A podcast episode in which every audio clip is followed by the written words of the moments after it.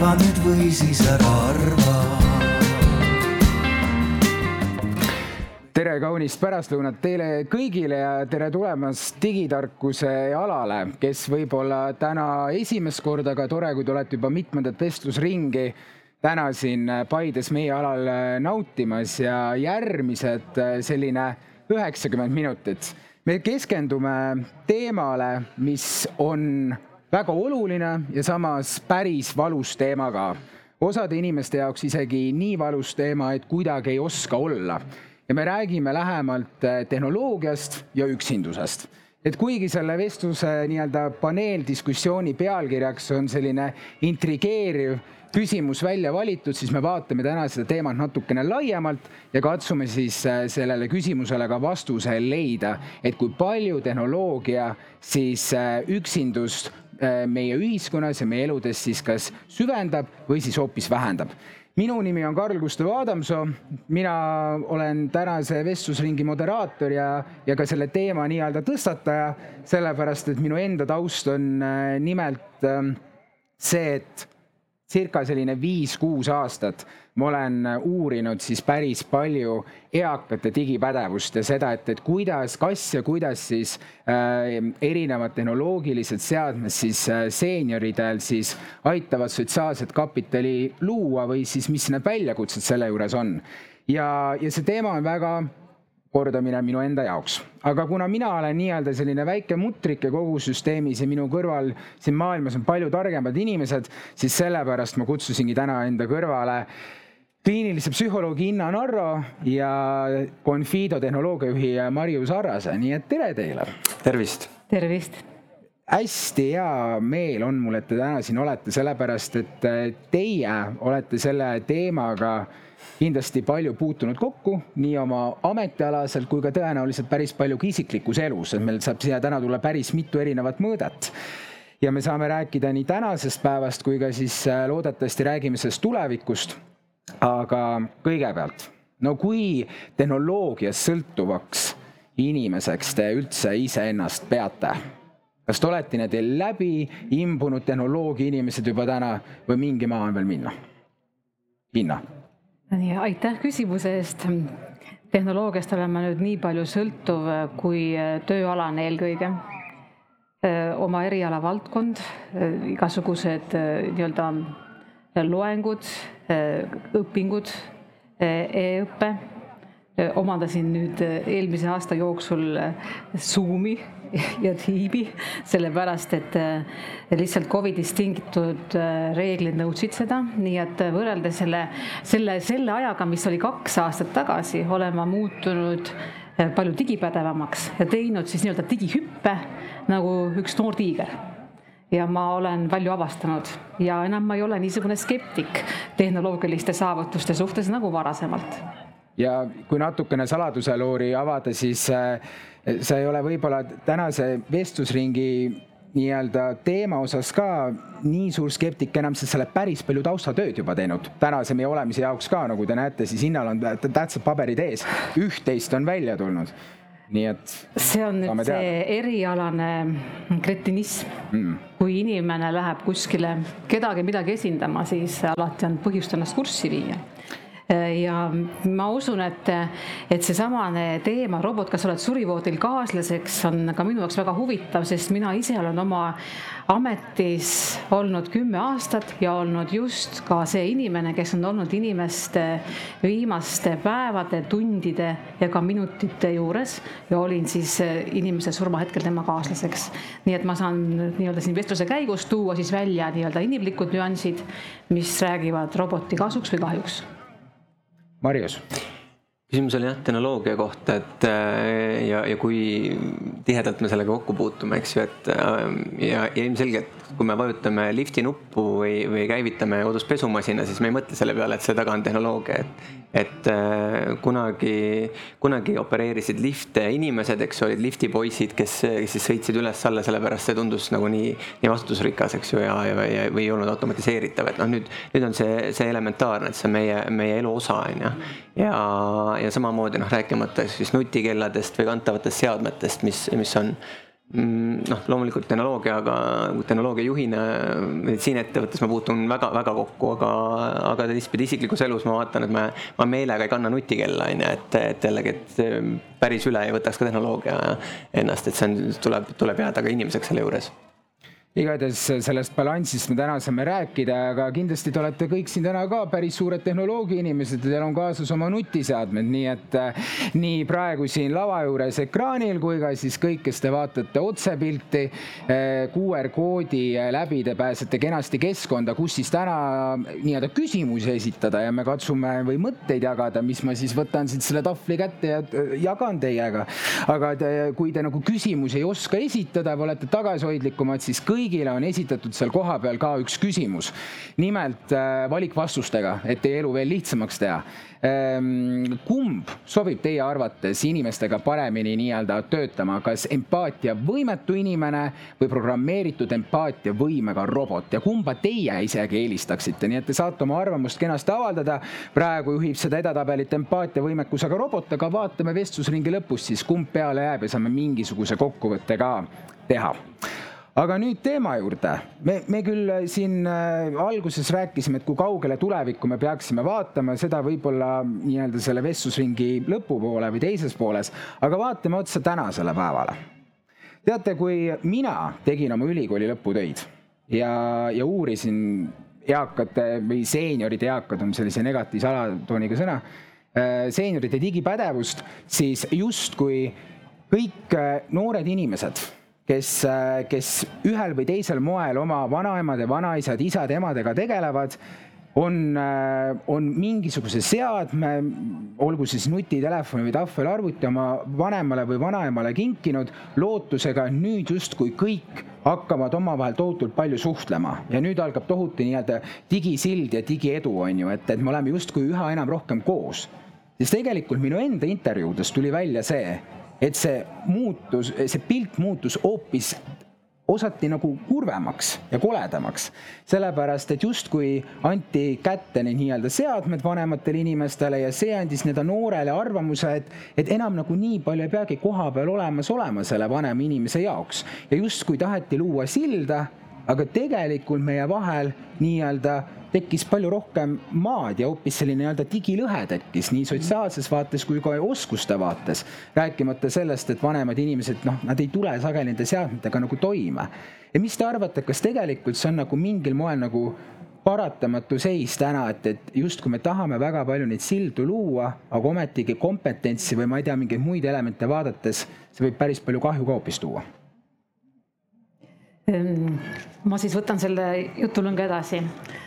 Äh, jaa, me räägime siin praegu sellest põlvkondadevahelisest lõhest, siis see põlvkondadevaheline lõhe kahjuks tänasel päeval on nii psühholoogiline, äh, ehk moraalne kui ka füüsiline.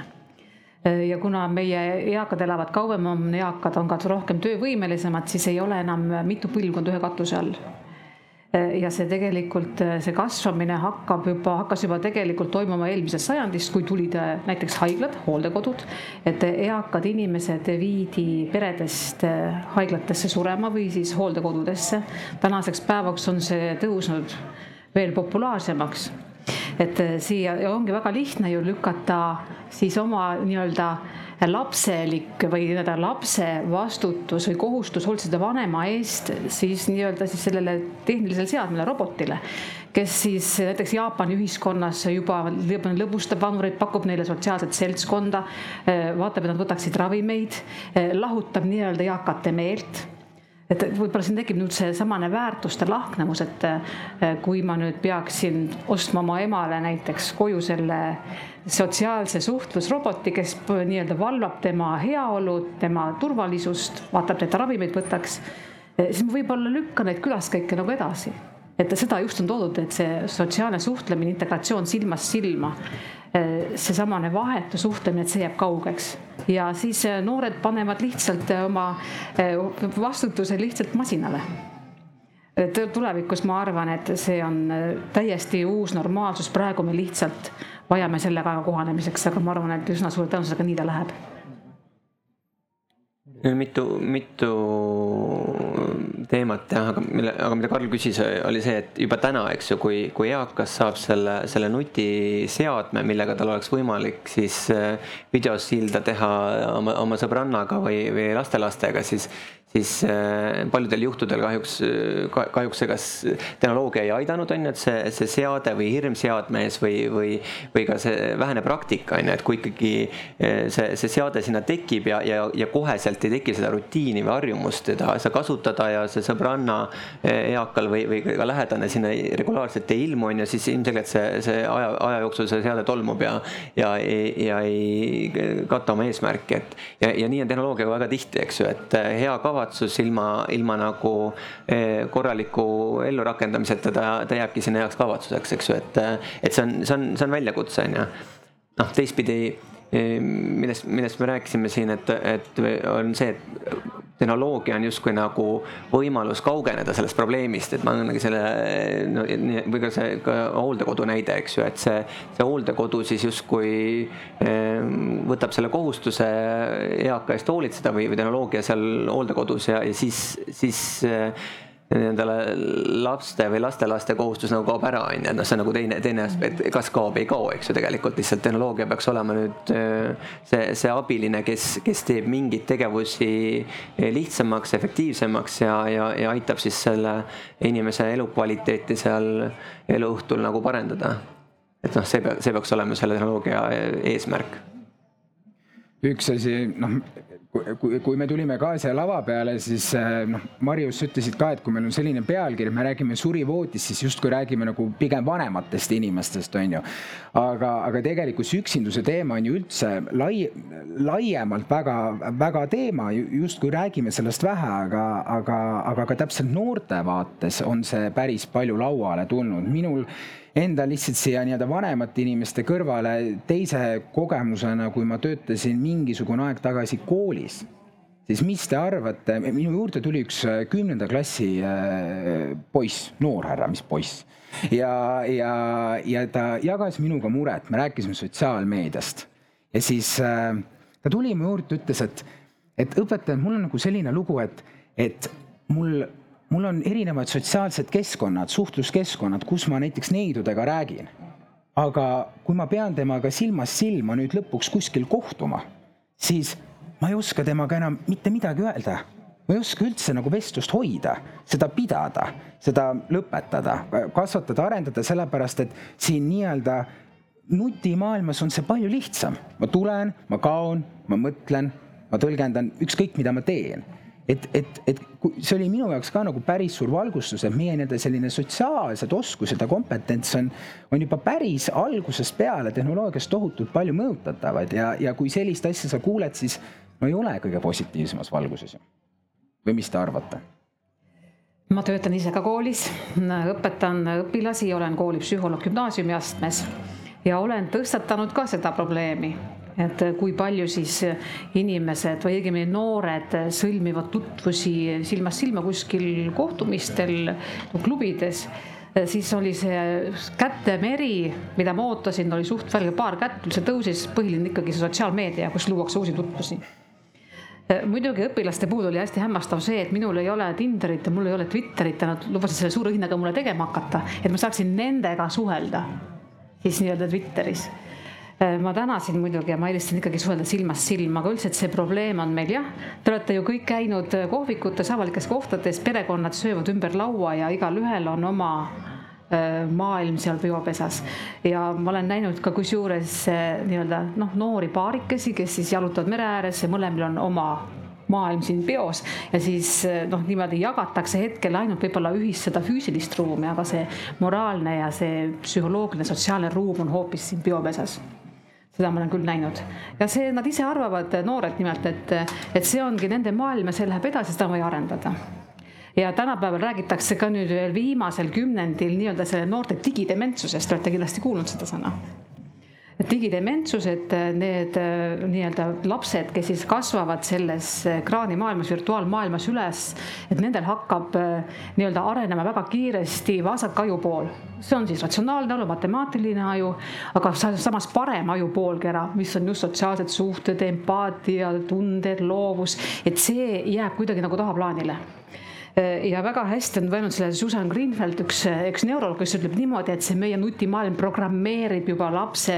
nii-öelda ajus need neuronid kuidagi teistmoodi, et see frontaalsagar, mis meil siis on toodud nii-öelda siis abstraktse mõtlemise ja kognitiivse integratsiooni jaoks, et, et see natukene nagu soiku. Ja sealt hakkavadki tulema juba need neuroloogilised seosed, mis siis tänapäeva sotsiaalsesse vajadusse integreerida nagu ei tasu, nagu ei teenida oma eesmärki, et siin tekivadki need sotsiaalsed sotsiaalsete suhete puudujääk just selle empaatilisuse ja mõistmise poole pealt. et see on, me, me oleme kõik väga ühtviisi programmeeritavad, kas siis evolutsiooni või, või digiseadmete poolt siin oli, siin oli juttu empaatiast ja tehnoloogiast, et ähm, ma mõtlesin selle peale äh, pikalt seda arutelu ette valmistades ja, ja mul meenus nagu ajaloost, kõlab nagu ajaloost, aga üheksakümnendate lõpus oli, oli sihukene seade nagu noorte hulgas hästi populaarne nagu Tamagotši keegi mäletab seda. ja siis ma nagu uurisin seda tagantjärgi, et, et Tamagotšisi müüdi maailmas üle kaheksakümne miljoni. Ja, ja mida see Tamagotši tegi, see oli niisugune väikene seade, tol hetkel ta maksis mingi üheksateist eh, dollarit. ja, ja õpilased võtsid seda kooli kaasa, ta oli niisugune lemmik, kes, kes eeldas, et sa, sa toidad teda, sa tegeled temaga iga, iga nelja tunni tagant. ja, ja, ja inimestel tekkiski, lastel siis ja, ka suurtel, eks ju, tekkiski empaatia selle, selle, selle väikse seadmega, et niisugune suhe. ja ma vaatasin, selle kohta on isegi nagu termin Tamagotši efekt ehk kus inimene omab siis mm, roboti, mingisugune tarkvara või, või, või mingi muu seadelise osas, tal tekib sihuke empaatiavõime, ta tekib, ta hakkab mõtlema, et see on nagu päris, see ongi, see ongi keegi, kellega sa sidustad. et äh, ja just, kui me räägime siin noortest ja, ja, ja uutmoodi nagu empaatiatest ja, ja suhtlustest, siis noh, see on nagu näide, kuidas tehnoloogia väga lihtne demagoogia ja, ja see viis, see tehnoloogia, see viis isegi sinnamaani, kui ma lugesin sealt Jaapanis, et sest esimese Tamagotši versioonil oli see, et ta eeldas, et iga nelja tunni tagant sa pead selle Tamagotšiga tegelema, muidu ta, ta nagu vist läks siis Tamagotši maale või ühesõnaga lahkus. Äh, ja mis siis juhtus see, et õpilased hakkasid võtma koolidesse kaasa Tamagotšit, eks ju, siis koolid hakkasid seda keerama ja siis tegid teg, ja kui nad ei saanud oma selle lemmiku eest, virtuaallemmiku eest hoolitseda, siis tekkisid siuksed nagu seal väga-väga-väga raskeid, raskeid kaasusi, eks ju. et noh, see näitab seda, et loomulikult, et, et inimese ja tehnoloogia äh, suhe võib, võib muutuda üsna nagu juba noorelt üsna, üsna sügavaks ja teistpidi see, see võib võtta nagu väga-väga äärmuslikke nagu vorme.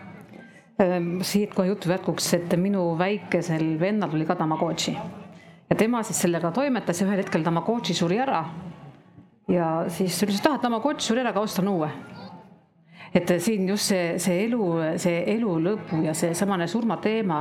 eh, nagu on mõjutanud ka tegelikult eh, seda nii-öelda noore kasvava surmateadlikkust ja kontseptualiseeringut. Nad näevad ju ulmefilmides ja multifilmides, et inimene, et inimene või olend või keegi tegelane saab küll nii-öelda, lahkub elust, aga ta tuleb jälle tagasi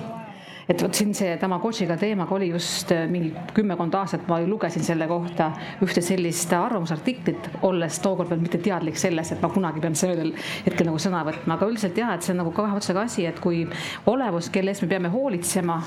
lahkub meie juurest ja me teame, me saame uue osta et siis äh, võib-olla see mõjutab ka mingil määral seda surma kontseptualiseeringut, teadlikkust ja ka võib-olla kaugemas tulevikus seda inimest siis, kui tal on oma elu lõpu teemadega vaja konkreetselt tegelema hakata rääkides kohanemisest, siis äh, enne meie vestlusringi oli siin üks teine vestlusring ja see vestlusring keskendus laste äh, interneti turvalisusele, lapsevanemaks olemisele selle juures ja kõike see rollid ja siis oli väga huvitav oli näha siin eemale, kuidas lapsevanemad olid või kes on lapsevanemad, kellel oli lihtsalt oma arvamus, äh, jagunesid päris nagu kaheks ja, ja täitsa nagu tuliseks läks. Ja et ühest küljest oli neid, kes ütles, et jaa peame piiri pidama, mina oskan nagu kontrollida ja hallata seda kõike, mis see tehnoloogia minu või minu lapsega teeb. ja siis olid need teised, kes ütlesid, et las, las see läheb niimoodi mühinal, see rong, sellepärast see ongi nagu uus reaalsus et, et äh, väga põnev oli seda kõrvalt jälgida, et, et, et kui me praeguses hetkes nagu oleme justkui, Inna, sa rääkisid, et vasakud ajupoolkerad mühinal kasvavad, paremad kukuvad, on ju, et, et kui palju tegelikult me peaks ja, ja, ja saaks üldse selle järjest üha enam digitaliseeruvas maailmas nagu kätt pulsil hoida või pidurit tõmbama. Ja kus me teame, kus see piir võiks üldse joosta? noh, viimasel aastakümnendil on selline tulnud juba nagu psüühikärn nagu nutisõltuvus. Kui meile antakse mingisugune hüve, aine, seadeldis, siis tegelikult on see sihipäraseks kasutamiseks, ma arvan, et see on lihtsalt teadlik kasutamisviis. Noh, praeguse infotehnoloogia ajastu on ju meid väga palju aidanud, ma mõtlen seda inimkonda üldse, eri, eelkõige just meditsiini valdkonnas. kus on, kus on ju noh, et seda piiri me ei oska praegu ju nihutada, me oleme täna tulevikus, millest rääkis kaheksakümmend aastat tagasi Isaac Asimov, kes tegelikult äh, sõnastas selle tänaseni need robootika printsiibid, et et ja me ei saa praegu öelda, mis võib olla kaheksakümne aasta pärast, et meil kahjuks või õnneks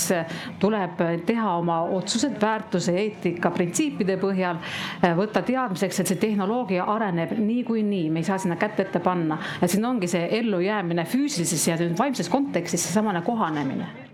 et kui ma küsiksin teie käest, et mis see kohanemine on, siis sa ütled, et, sa saad nagu asjadega hakkama ja on küll, aga kohanemine tegelikult selles eh, psühholoogilises võtmes on nii, et me võtame minevikus omandatud kogemuse, integreerime selle tänasesse päeva ja tänase päeva hakkame omandama sellele vanale kogemusele uusi kogemusi. ja niimoodi pidi kohanema meie vanavanemad, kohaneme meie ja kohanema ka, kohanevad ka nii-öelda meie lapsed ja lapselapsed. minu ema on tunduvalt rohkem digitaliseerunud kui mina emal on nutitelefon, oskab seda kasutada, ema on Facebookis, ta on igal pool aktiivne. Äh, mul on olemas nutitelefon, aga ma ei kasuta seda, et see on võib-olla minu mingi selline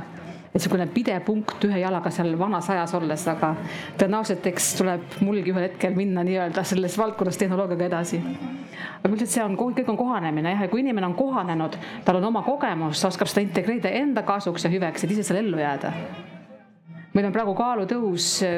kõik selles, et inimene on muutunud mugavaks, meil tehakse kõik ette taha, robot niidab muru, koristab, peseb aknaid. inimene istub äh, oma seades ja tellib endale diivani pealt süüa, see tooks selle talle tagasi.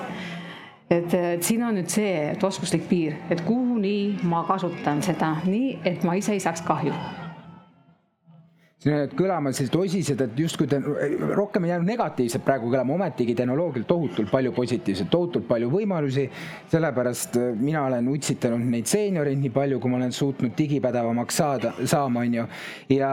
ja kusjuures, mis oli huvitav see, et kui ma hakkasin seda seeniorite digipädevust uurima, siis teate, mis oli mul nagu esimesed mõtted, mida mulle öeldi? mis te arvate, kas inimesed elasid kaasa või pigem mitte? Pigem elasid vist kaasa? ei elanud, ütlesid väga ebaseksikas teema, mõttetu. vana inimene ühel hetkel teda enam ei ole. ja noor inimene, noh, ta on niikuinii, ta muutub digipädevaks, noh, ta on digipädev ja kui ta saab ükskord vanaks, ta on juba digipädev. see on täiesti mõttetu teema, mida sa uurid põhimõtteliselt on ju, ega sa vanale ka niikuinii seda tehnoloogiat pähe ei määri. aga kas te kuidas te ise nagu arvate, täna need meie noh, noored inimesed, ühel päeval, kui oleme meie vanad kas, kas tegelikult, kuna me oleme sellise kooli juba saanud ja oleme saamas, on meil siis tunduvalt lihtsam ühel hetkel, kui me oleme vanad, seda tehnoloogiat kasutada? või tegelikult ikkagi me seisame ka oma teatud väljakutsetega ees, vahet pole, milline see tehnoloogia siis on. Ma lisaksin siia veel selle, et me tuleme niisuguse, noh, minu, minu põlvkond tuleb niisugusest ajastust, kus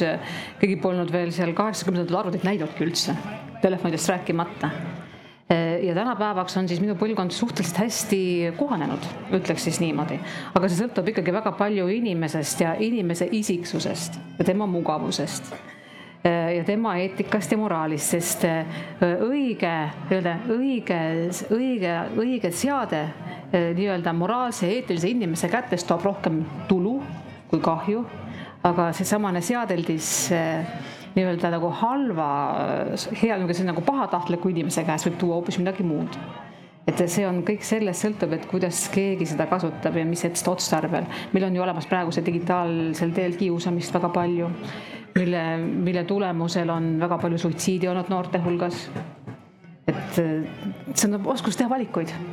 aga meie oleme juba nii-öelda vanad, me tuleme, ütleme siis fossiiliajastust. meil on olemas nii see, see ilma digiajastu kogemus ja praegune kogemus ja me oskame võib-olla paremini lihtsalt integreerida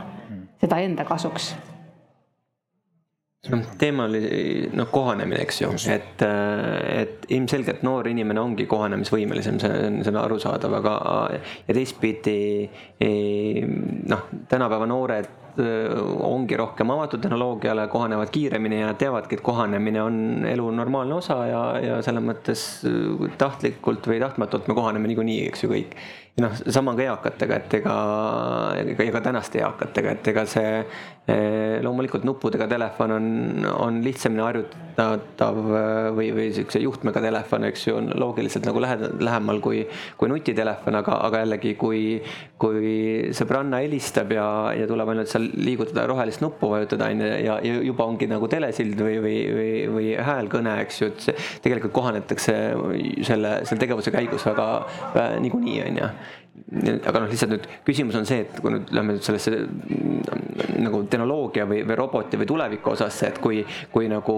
selle eaka kõrval on, on kaaslaseks nüüd keegi, kes ei, ei käi neljal jalal või, või käib kahel jalal, aga käib kuidagi nagu äh, nurgeliselt, et kas, kas, kas kohanetakse ka sellise, sellise kaaslasega, kes, kes äh, ei ole, ei ole midagi, mis on loodusest tulnud ja on harjumuspärane, on ju, vaid, vaid aga, aga samas jällegi käitub su,, suhestub, eks ju, temaga, temaga suheldes ta vastab, tal on võib-olla ka tunded või ta näitab neid tundeid välja oma,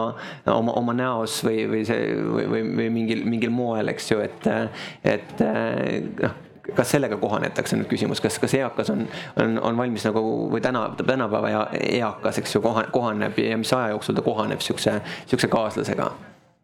ja, ja kuidas ja kas ta üldse peab teemaks on meil siin eh, robot ja juba me avasime siin eh, mõned näited ekraani peal on kenasti teha. Mario, sina otsisid välja mõned nii-öelda sellised visuaalid, mis näitlikustavad seda, et ega tegelikult see, see nii-öelda robot, kes meie kõrval saab täna või nagu näited on või tulevikus olla, ega ta ei ole selline noh, kandiline metallist purk on ju, et, et täitsa, täitsa hästi liigub tänase suunda. no just, et noh, need, need robotid, mida noh, esiteks robot juba kõlabki, on meil siin ETV-s kunagi oli Mina olen robot, mis laul see oli, eks ju, et noh, see oli, see oli see kandiline ja, ja väga nurgalise liikumisega, et noh, nüüd ja ilmselgelt sellist eh, inimlaadset humanoidi teha on, ongi keeruline, aga, aga nagu näha juuresolevalt pildilt ja videolt, et ega see ei ole võimatu, et eh, ta, tal on näos emotsioonid, ta suhtleb, eh, tal on, ta, ta väljendab kurbust, eks ju, ja, ja, ja noh, ta on väga lähedal sellele, mis, äh, mille, mis, mis on inimkogemus, eks ju. ja, ja, ja see on see tänane, tänane analoogiavälis. nüüd me räägime korra, sellest tuleb hiljem juttu ka, aga siin pildiseerias on see robot hüljes, mida ka Eesti, Eesti mõnes hooldekodus on juba, juba olemas, et ilmselt sellest räägime hiljem, aga lihtsalt markeerime selle ära, et see on, see on nagu üks, üks, üks robotitest, mida, mis on nagu praktikas ja, ja täna, täna nagu levinud, levinud mitmelt ja, ja jällegi näitamaks, et tegu ei ole niisuguse valge läikiva kõrgläikest nagu plastilise säravate silmadega seadeldisega, eks ju, vaid ta on, tal on niisugused omistatud äh, loodusest äh, tuntud äh, omadused sellele, sellele, mis tegelikult on, on midagi, mis on väga tehislik, eks ju. see, see on näide ja noh, siin järgnevate piltide peal on, on näha, et noh, see on niisugune klassikaline, mida ilmselt kujutatakse robotiks ja, ja, ja noh, levinud, levinud siuksed äh, hooldekodus või üksi, üksi oma kodus olevate eakate hoolduseks, et äh, ta, ta nagu kaaslane, et ta, ta ilmselt ei peagi väljendama või olema ligilähedane inimesena ja kõik saavad aru, et ta ei ole päris. ja noh, siin on siis niisugune nagu füüsilist äh, tööd äh, tegev robot, eks ju, mis, mis on niisugune veel prototüübi tasemel ja ilmselgelt ei, ei, tal ei olegi omistatud niisuguse nagu väljanägemist, mis, mis peaks olema, eks ju, robotil ja noh, jällegi see on, see on, see on see tänane seis, eks ju, lihtsalt, et, et alustasime sellest, et, et jah, see robot, robot ei ole midagi kandilist ja, ja, ja teistpidi ka, mida robotiks või tehnoloogiaks on ka, ka, ka vestlusrobot on tegelikult robot, eks ju. niisugune, kui ma kellegiga chat ite ja, ja, ja ta vastab teile ja tema, teie vastate, teie vastate, siis jah, me eeldame, teisel pool on inimene, aga, aga see on suhtlusrobot, eks ju, või vastab ja suudab, suudab ette antud loogika alusel seda vestlust pidada ja anda teie küsimustele talle vastuseid, ilma et ta saagi aru, et tegelikult seda, seal üks, ükski kord inimene ei sekkunud sinna, et see on juba täna, täna, tänapäev ja, ja väga paljud ka Eesti ettevõtted seda rakendavad, eks ju. Inno, enne kui ma sulle sõna anname, siis äh, jätkuvalt äh, siin on jäänud äh, juba näited kõlama, et kas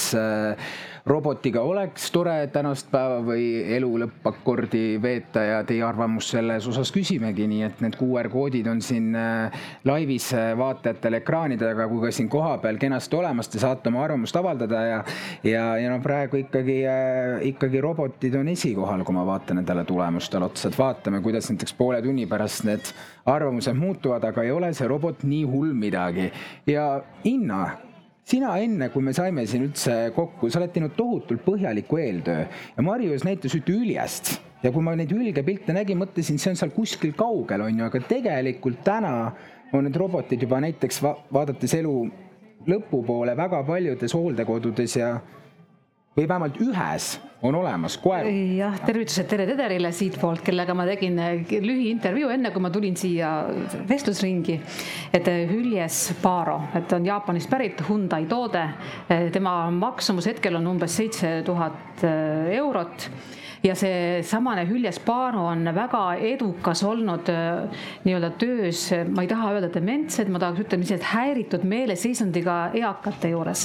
Äh, Hüljes Paaro oskab luua piltkontakti, ta häälitseb, ta häälitseb vastu, ta reageerib puudutustele, nii-öelda häältele. teda on mõnus silitada, ta liigutab vastu ja kui see Hüljes äh, jääb selle tederi kabinetti mõnikord natukene pikemaks ajaks seisma, siis ta hakkab juba ise nõudma tähelepanu, et niisugune niisugune vajadus on talle juba ka sisse programmeeritud. on olemas veel Pihlakodus koer Äh, ja on nüüd võetud ka tootmisesse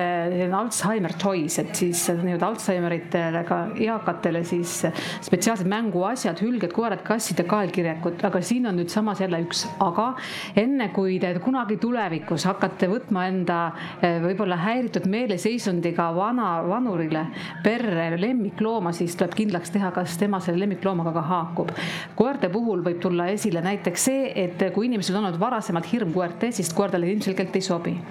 tõstatati ka küsimus, mille pärast just hüljes. ja hüljes on sellepärast eriti hea selline mänguasi, kuna inimestel reeglina puudub eelnev kogemus hülgega kokkupuutes. tal puudub eelnev kogemus, ta ei integreeri oma mineviku kogemust, tal on see uudne kogemus, et ta võtab selle hülgepoja selle võrra noh, paremini omaks. Nad on tõesti armsad. ma või, võisingi vaatama jääda neid armsaid hülgepoegi. kui ma võtan veel minuti aega, siis valmistas ette kogu seda, seda projekti täna siin, et kus me siis, kus me siis tuleme ennast arvavat. et tegelikult see roboti teema ei ole üleüldse nüüd kahe eelmise sajandi oma, vaid roboti teema oli üleval juba aastatuhandeid tagasi. inimene on tegelikult kogu oma teadliku aja tahtnud endale mehaanilist abimeest, kes tema elu mugavaks teeb ja, ja ka tööd ära teeb ja esimesed nii-öelda müütilised robotid olevat siis Kreeka mütoloogias ja ka Hiinas, et Kreekas oli siis nii-öelda Hephaistos see, kes sepistas esimesed mehaanilised abimehed, kes siis pidid valvama Kreeta saart ja kuldseid tüdrukuid. ja Hiinas oli Chi Yu, kellel oli siis neli kätt, ma ei tea, mitu silma ja vastavad andurid, et ka siis inimkonda nagu nii-öelda kaitsta ja ohuks nii-öelda ette valmistada. nii et see robotite teema on tegelikult olnud juba pika, pikka aegu inimkonnal selliseks teemaks. mis see robot üldse tähendab. me mõtleme, et ta on nüüd neljakandiline ja tänapäeval juba sünteetiline. et robot on siis eh, nii-öelda täpsemalt öeldes on siis programmeeritud seadel siis, mis suudab iseseisvalt tegutseda. ja sõna robot tuleb üleüldse tšehhi keelest sõnast robota, mis tähendab sunnitöölist või sunnitööd. nii et eh, kui me praegu integreerime selle tege, tegeliku terminoloogia sellesse sõnasse robot, siis kas ta nii väga humaanne siis ongi, et kui me nii-öelda ekspluateerime teatud eh, seadelist enda hüveks ja ma mõtlen, peaks mainima veel seda ära, kuna ma olen töötanud ka vähihaigete laste ja nende vanematega, siis Teheranis on võetud kasutusele lastega suhtlemisrobot nagu Arash Arash on kuskil meeter kakskümmend on pikk, ta on poolenisti on äh, nii-öelda humanoid, pool on selline tehniline seadeldis, kes siis lõbustab ja aitab kaasa siis viie kuni kaheteistkümne aastaste vähihaigete laste ravis. ja need lapsed siis, kes puutuvad selle robotiga otseselt kokku, neil on paremad äh, tervisenäitajad, nende ravitulemused on paremad, nad suudavad hooldajatega paremini suhelda. Äh, nad, nad on emotsionaalselt stabiilsemad ja ka selle võrra ravimõjud tunduvalt efektiivsemad Äh, ja veel on siis leitud ka seda, et autismi spektrihäiretega lastel on äh, suhe robotiga palju parem ja efektiivsem kui tavainimesega. Nii et siin on tehnoloogia on väga üllas, kui ta suudab nii-öelda inimühiskonnas teatud sihtgruppi tõesti aidata kui kellelgi siin on ka mingeid küsimusi või mõtteid, siis tõstke julgelt käsi. meil on selline pehme kuubik on siin ees, kus te saate kenasti sisse rääkida, siis ka oma mõtteid või küsimusi esitada. nii et me katsume kuidagi kinni haarata või siis lõpupoole lihtsalt. aga Inna, enne kui sa siia täna tulid, siis sa oled teinud tiiruga nii-öelda enda nii-öelda inimeste juures läbi, kelle, kes sul patsiendid on ja, ja sa oled äh, natukene uurisid, et äh, mida inimesed ütlevad, kui täna oleks võimalik juba robotiga koos töötada, ükskõik millise aspekti läbi, siis äh, kui valmis selleks täna ollakse? jah, mul oli õnneks siin kuu-poolteist aega ja ma uurisin nii-öelda, tegin siis intervjuusid oma surevate patsientidega oma onkoloogiliste patsientidega. küsisin äh, oma õpilastelt, kes on siis kuusteist, kuueteistkümne aastane vanusegrupp ja uurisin siis ka kümnekonnalt arstilt, mis nemad arvavad siis äh, nii-öelda robotist nende kõrval, kui siis on elu viimased hetked käes. Äh, üllatuslik üllatuslik oli minu jaoks see, et need viis arsti, kellega ma rääkisin, nemad olid väga poolt sellele sellepärast tõesti meditsiinis on näidanud ära, et see robotite kaasamine ravisse ja raviskeemi on olnud äärmiselt jätkusuutlik. üllatus oli see, et need kuueteistkümneaastased noored, kelle käest ma küsisin, kas nemad tahaksid, et neil oleks robot surivoodil, sada protsenti ütles ei ja kui ma küsisin siis, et millest selline otsekohene ei, siis toodi välja, et robotil puudub inimlikkus ja empaatia. küsisin ka mõnelt hingehoidjalt ja enda kaaskolleegidelt, psühholoogidelt, tuli samamoodi, empaatia programm, programmeeritav. inimlikkus on eriti just elu lõpus oluline, just see inimlik soojus, mida ei saa ka robotile integreerida. Siis hingehoidja ütles mulle väga huvitava vastuse, et ei usu, inimlik komponent on puudu, masinaga aga hinge teha ei oska. sellel pole tulevikku. kui see, selle kuu aega tagasi, kui ma seda intervjuu tegin, siis ma noh, ütleme, et ma olin temaga ja mõnes mõttes nõus, et, et selle pole tulevikku nüüd uurides ja viies ennast asjaga kurssi, tuleb öelda, et on küll ja siis veel leiti seda, et ei taha, et nagu robot asjaga tegeleb, just nimelt minu patsientuur on kõik eakad, kes on seal kuuskümmend viis pluss ja noh, nagu üle. Et nemad ütlesid ka, et nemad ei taha, et neil surivoodil hoiaks käest kinni masin või mingisugune imelik monstrum, sest ilmselgelt nende jaoks on ju robot neljakandiline kuubik, kes niimoodi teeb selliseid üsna mittesihipäraseid liigutusi. Uurisin ka ühelt patsiendilt, kes on kes, kes on siis altpoolt kaela halvatud ja uurisin, et kas tema tunneks nagu huvi või oleks selle poolt, kui robot temaga tegeleks. siis temal oli ka, et kindel ei. Aga noh, samas tegelikult tuleviku integreeritus, nagu me oleme näinud siin Hüljes Paaro ja need nii-öelda ilusad sünteetilised humanoidid suudavad tegelikult tõesti olles kasvõi selle programmeeritud empaatiaga anda rohkem äh, soojust ja hellust kui inimene, kellel see empaatiavõime ei ole nii hästi välja arenenud. empaatiavõime kusjuures on ikkagi üsnagi õpitav ja lapsed hakkavad seda tegelikult õppima oma vanemate pealt nii et selles suhtes eh, siis selline kokkuvõte, aga, aga tänavasel päeval mina olen küll seda meelt, et eh, parem tõesti empaatiavõimega, mis on programmeeritud, eh, selline tehniline seadeldis kui inimene.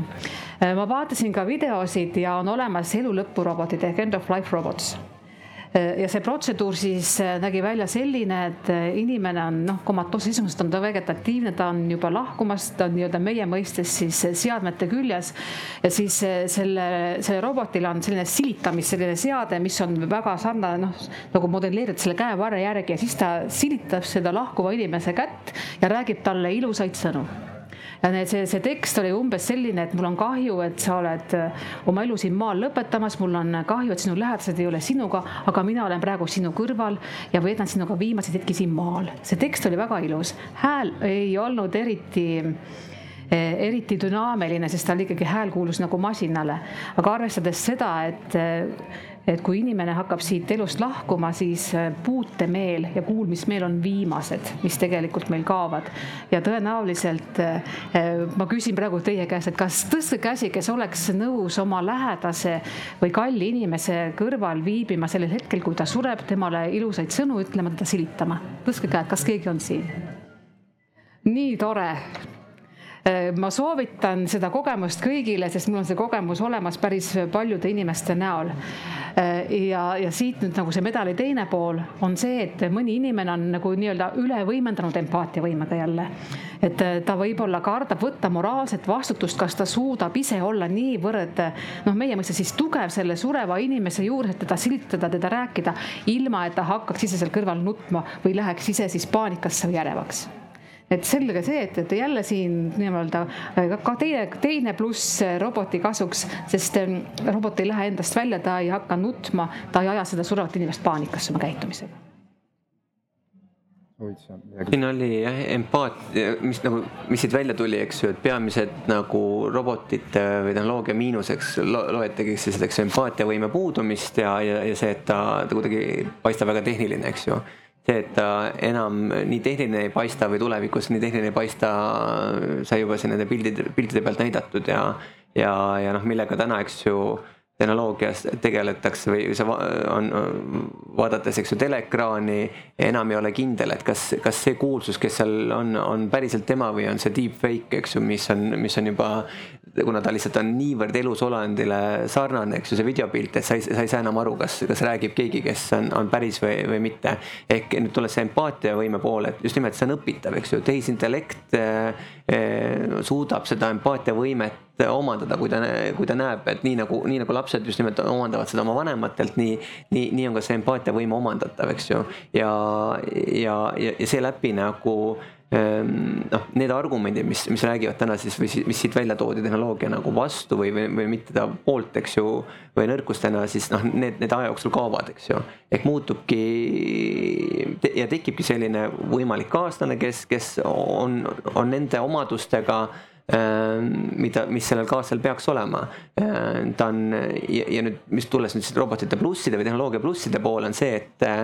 ta, ta ei väsi, eks ju, et eh, me kõik oleme inimesed, me inimestena väsime, me teeme vigu, eks ju, loomulikult eh, ka, ka tehnoloogia teeb vigu ja, ja kui on olukord, kuhu, milleks ta nii-öelda ei ole programmeeritud või, või mis on tema jaoks uus, siis ta kas, eks ju, annab teada, et mul on uus olukord, vajan abi või siis käitub ette antud mingisse juhiste alusel, on ju. et siin on, eh, ehk neid, neid olukordi tekib küll ja veel, eks ju, aga, aga oma olemuselt jällegi, et et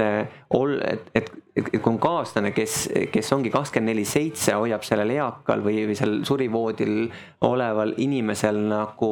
pilku peal, ta, ta kõik olulised tervisenäitajad on monitooringus, kui seal, kui ta, ta kõnes on mingeid erisusi, eks ju, ta sõnavara väheneb äh, aja jooksul, siis seda on väga lihtsam hinnata, et, et tema, tema tervisega mida toimub ja siis omakorda kaasata meditsiinipersonali, et nüüd on, nüüd on toimunud sellised muutused tema seal, kognitiivses käitumises, eks ju, et see, see muutub tänu läbi selle kaaslase, kes seal on kõrval, kes tegelikult on mitte ainult kaaslane, vaid ka tegelikult seadeldis, mis monitoorib seda, seda inimest, aitab, aitab nagu saada, saada ülevaadet tema terviseseisundist ja selle muutumisest ajas, et eh, see on, see on see tegelikult nagu täiendav efekt, mida see tehnoloogia toob sinna tulevikku. Eh, kusjuures viimase seitsme aasta jooksul eh, on just toodud esile seda empaatiat, kas empaatia on nii-öelda programmeeritav või mitte ja Leite just oma viimases artiklis kaks tuhat neliteist on just kirjutanud, et sellega tegelikult juba tegeldakse juba tegelikult päris pikemat aega inis- ja siin nii-öelda skeptikud on siis toonud sellele vastu sellise, sellise vastuväite, et kas, kas robot on nii-öelda võimeline suutma tundma muret, nagu siirast muret teise inimese pärast. me võime programmeerida sellele, sellele humanoidile sisse peegelneuronid. Ehk siis nii, et, kui see inimene talle nardab, ta nardab koheselt vastu. Äh, anduritega sa saaks tegelikult mõõta inimese hormonaalset seisundit, näiteks oksüdotsiini taset Äh,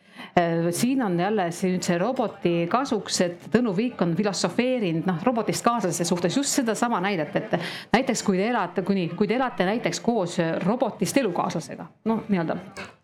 mängime natuke tuleviku teema peale, siis see, see nii-öelda see robotist elukaaslane, ta juba tajub enne teid ära teie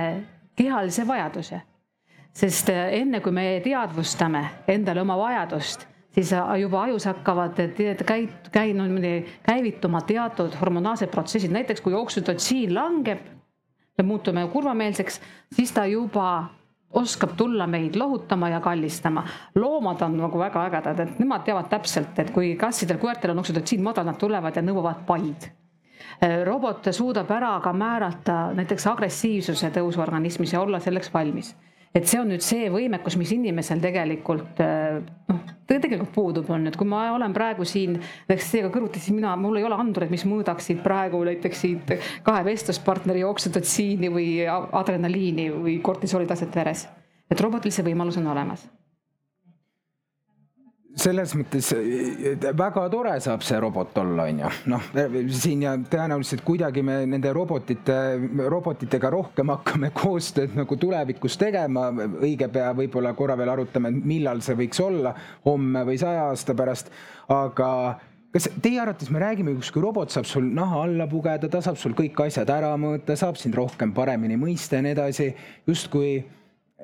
kuulates tehnoloogia erinevaid konverentse, seal räägitakse sellest, et varsti ükskõik, mis jupp meil kehas katki on, me saame uuesti endale välja trükkida, saame vahetada, järjest mugavamaks läheb. inimene elab järjest enam kauem, on ju. sotsiaalsetes suhetes nagu lappame sageli seda sots, sotsiaalmeediat nagu kataloogi, et, et rääkida nendega, keda me tahame ja blokeerida seda, keda me ei taha kas kõige selle juures, tule minnes tagasi selle vastutuse teema juurde ja kohanemise juurde, et kas mõnes mõttes me nagu loobume nii-öelda vastutamast iseenda elu või olu eest ja me anname selle justkui nagu nii-öelda ära. ei pea me enam eriti palju sotsiaalsete suhete pärast enam muretsema, ei pea me oma tervise pärast muretsema ja, ja kõik see tehnoloogia lihtsalt. ühest artiklist jäi mul silma just selle vastutuse teemaline teemapüstitus et noh, inimesed ju vastutavad iseenda eest, noh, me peaksime vähemalt nii-öelda adekvaatsete indiviididena seda tegema. aga põhiküsimus on see, kui palju inimene võtab vastutuse selle tehnilise seadme poolt vastutustunde eest. nii et vastutustunne kellegi vastutustundevõime eest, et siin on tegelikult see põhiküsimus, missugused volitused me anname infotehnoloogia käsutusse ja, ja missugused mitte ilmselt selle kõige praktilisem näide ja mis, mis saab meie väga elu osaks üsna peagi on, eks isesõitvad autod ja noh, see, see on olukord, kus, kus vastutus, eks ju, on antud või antakse tehnoloogiale, et ja, ja, ja sellel, see seal, kui, kui täna, eks on juhiluba antud isikule ja roolis on konkreetne isik, siis, siis ta, siis me teame ka, kes, kes vastutas selle liiklusõnnetuse eest, eks ju, kui. kui roolis on isesõitev auto on ju või roolis tegelikult ei olegi kedagi on ju, siis kes, kes siis vastutab, eks ju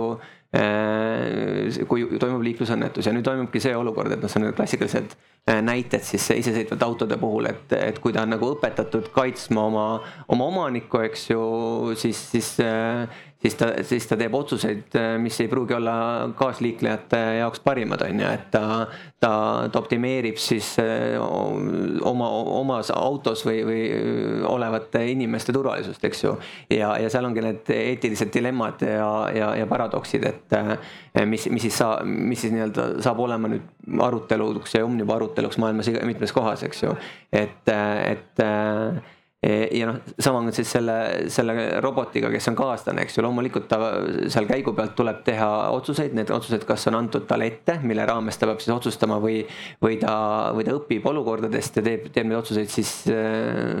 siis, siis nii nagu talle on see otsustuspädevus antud, eks ju. et need on, need on need olukorrad, no küsimus on vastutusest, eks, kes, kes vastutab selle isesõitva auto osas ja kes vastutab siis selle, selle roboti eest, kes on siis kaaslaseks sellele eakale, eks ju, et äh, ja kui see robot siis ei talita nii nagu tõenduspõhine meditsiin ette näeb või, või nagu, nagu ravijuhi, juht ettekirjutuse ravijuht ette näeb, eks ju, et siis on kas robot teinud viga, vea on ju, või, või ta miskipärast äh, käitus, käitus teisiti, kui, kui oli ette antud on ju, siis peabki vaatama, et või mis siis selles olukorras või selles hetkes siis, siis on, aga loomulikult need on need küsimused, mis, mis ootavad meid aja sees ja, ja noh, ilmselt isesõitvate autode dilemma saab enne lahendatud, kui, kui need terviserobotite väljakutsed mingid teatud näited me oleme täna siin vaadanud, äh, kuidas robotid juba täna meie elus äh, teatud rolli mängivad, aga, aga noh, kes siin teist enne ütles, et seitse tuhat eurot ma pean maksma selle eest, kui ma tahan seda liikuva. Margus ütles, et praegu see Amazonis vist on võimalik soetada. jah, et ma saaks selle hülge enda kõrvale, no päris palju. ma enne noh no., selle eest maksta, et, et mis sa, Marju, sa arvad, millal see kõik odavamaks ja rea-, realistlikumaks meie eludes muutub? ma täpselt ei tea, palju tõukoerad maksavad, aga, aga ma arvan, et noh, suurusjärgud ei ole, ei ole väga palju lahus, eks ju, et. me räägime seenioridest. jah, aga ega seeniori kõrval jah, lihtsalt, et tehnoloogia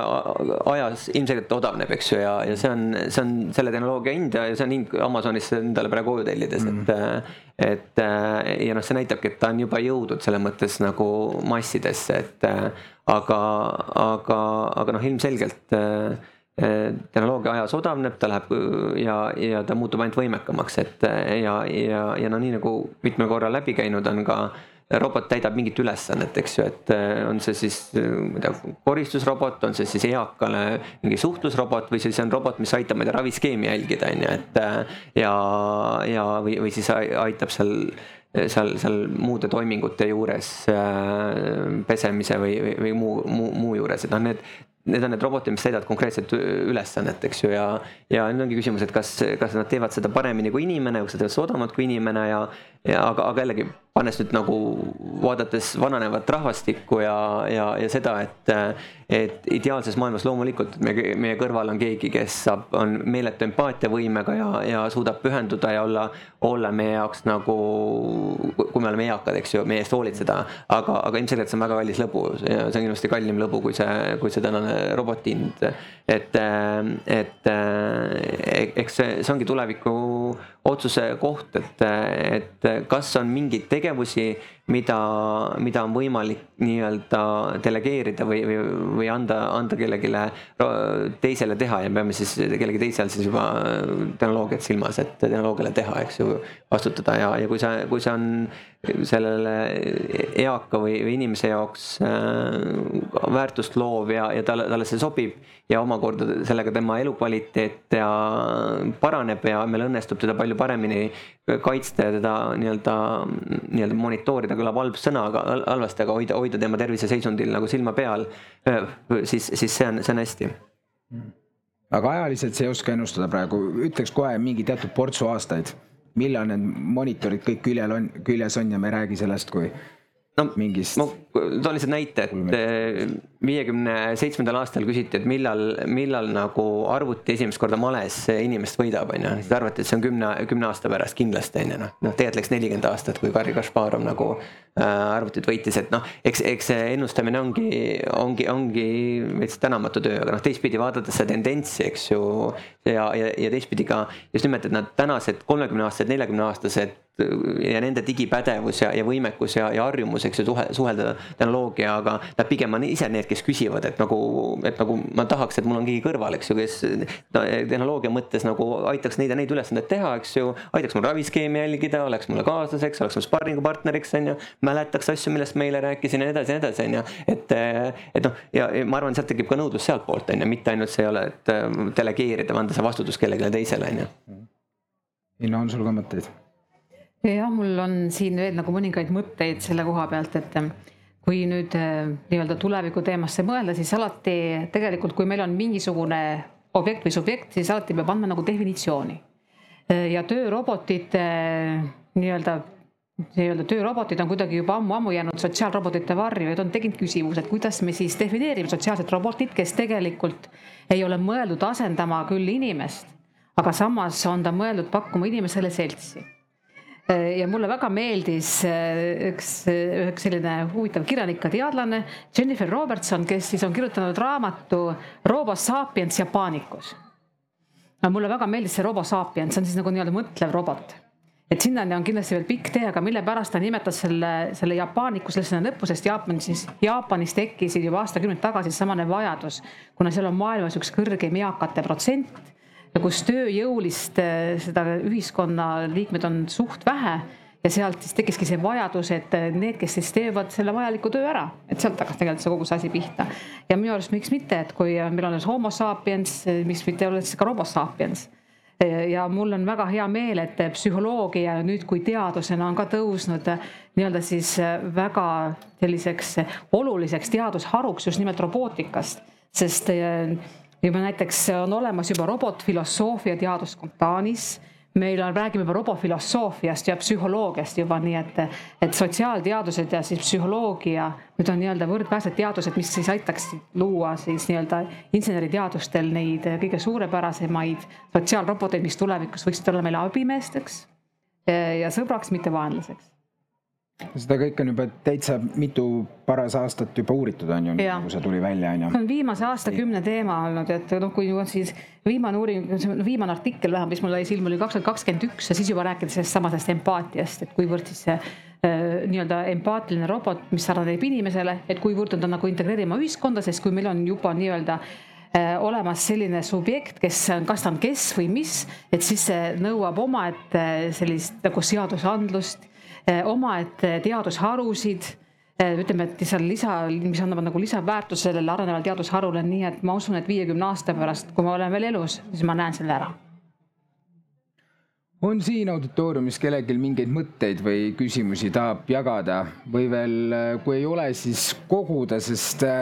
mõned mõtted või küsimused on siia minuni jõudnud ja äh, ma ei tea, Marius, kas äh, uus võib-olla müügiartikkel Confido poole peal või teenus, mida te võite pakkuda, aga on igatahes küsitud päris palju seda, et kas digiriigis võiks luua roboti e-teenuse, mis lihtsalt suhtleb üksikute inimestega, tuletab näiteks ravimite võtmist meelde? Miks mitte, absoluutselt, et äh, noh, see, see raviskeemi jälgimine on, on, on üks olulisemaid asju tegelikult ja, ja eakad äh, tean, tean isegi äh, ei, on, on oma raviskeemi jälgimisel teinekord üsna üsna nagu, nagu ei täida päris etteantud juhendit, ütleme nii. et äh, sestap, sestap see, see on väga tähtis, et äh, ja mida eakam ja mida keerulisem raviskeem, eks ju, on enne, enne sööki, peale sööki kõik need nõuded, et äh, ja, ja teistpidi noh, tahaks ka näha, et kas, milline mõju sellel oli siis, eks ju, kas, kas siis ma ei tea, see verevedeldaja ja mingi seal kombo mingitest ravimitest, mida korraga võetakse, kas see ikkagi soovitud tulemust annab, on, on, on, on tegelikult see tagasiside ahel on, on sealt muidu puudu, eks ju. et eh, ehk vastus küsimusele, et eh, jah, et see, see sihuke suhtlusrobot, mis, mis juba eh, suhtleb noh ja, ja aitab mingeid meeldetuletusi teha ja, ja küsida, kas, kas hommikused või õhtused ravimid on võetud, see, see, see on ilusti tehtav, eks ju, küsimus see, et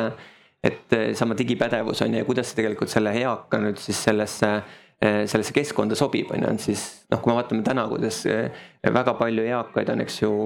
kas hooldekodudes või on siis koduses hooldusel või on siis lihtsalt kodus, aga ei oma sihukest eh, noh, lähedast hooldada niipidi. et ja, ja, ja nüüd millisel hetkel või kuidas, kuidas see, see tehnoloogia siis sinna tema sinna on õhtul, eks ju, Aktuaalne kaamera ja, ja päevauudised ja et, et kus, kus see robot ja telefonid, eks ju, nutitelefon, et ja siis on ravimikarp, et, et nüüd kuidas ta seal nüüd seal juba täna siis, eks ju, on see, see suhtlusrobot, et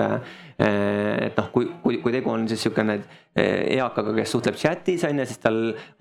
sõbranna, eks ju, Salme või Leida kõrval tuleb siis riiklik nagu robot küsib, et kas, kas nüüd teie perearsti nagu chatbot, eks ju, küsib, et kas tänased asjad on, on võetud, on ju, noh. võib-olla lihtsam viis oleks teha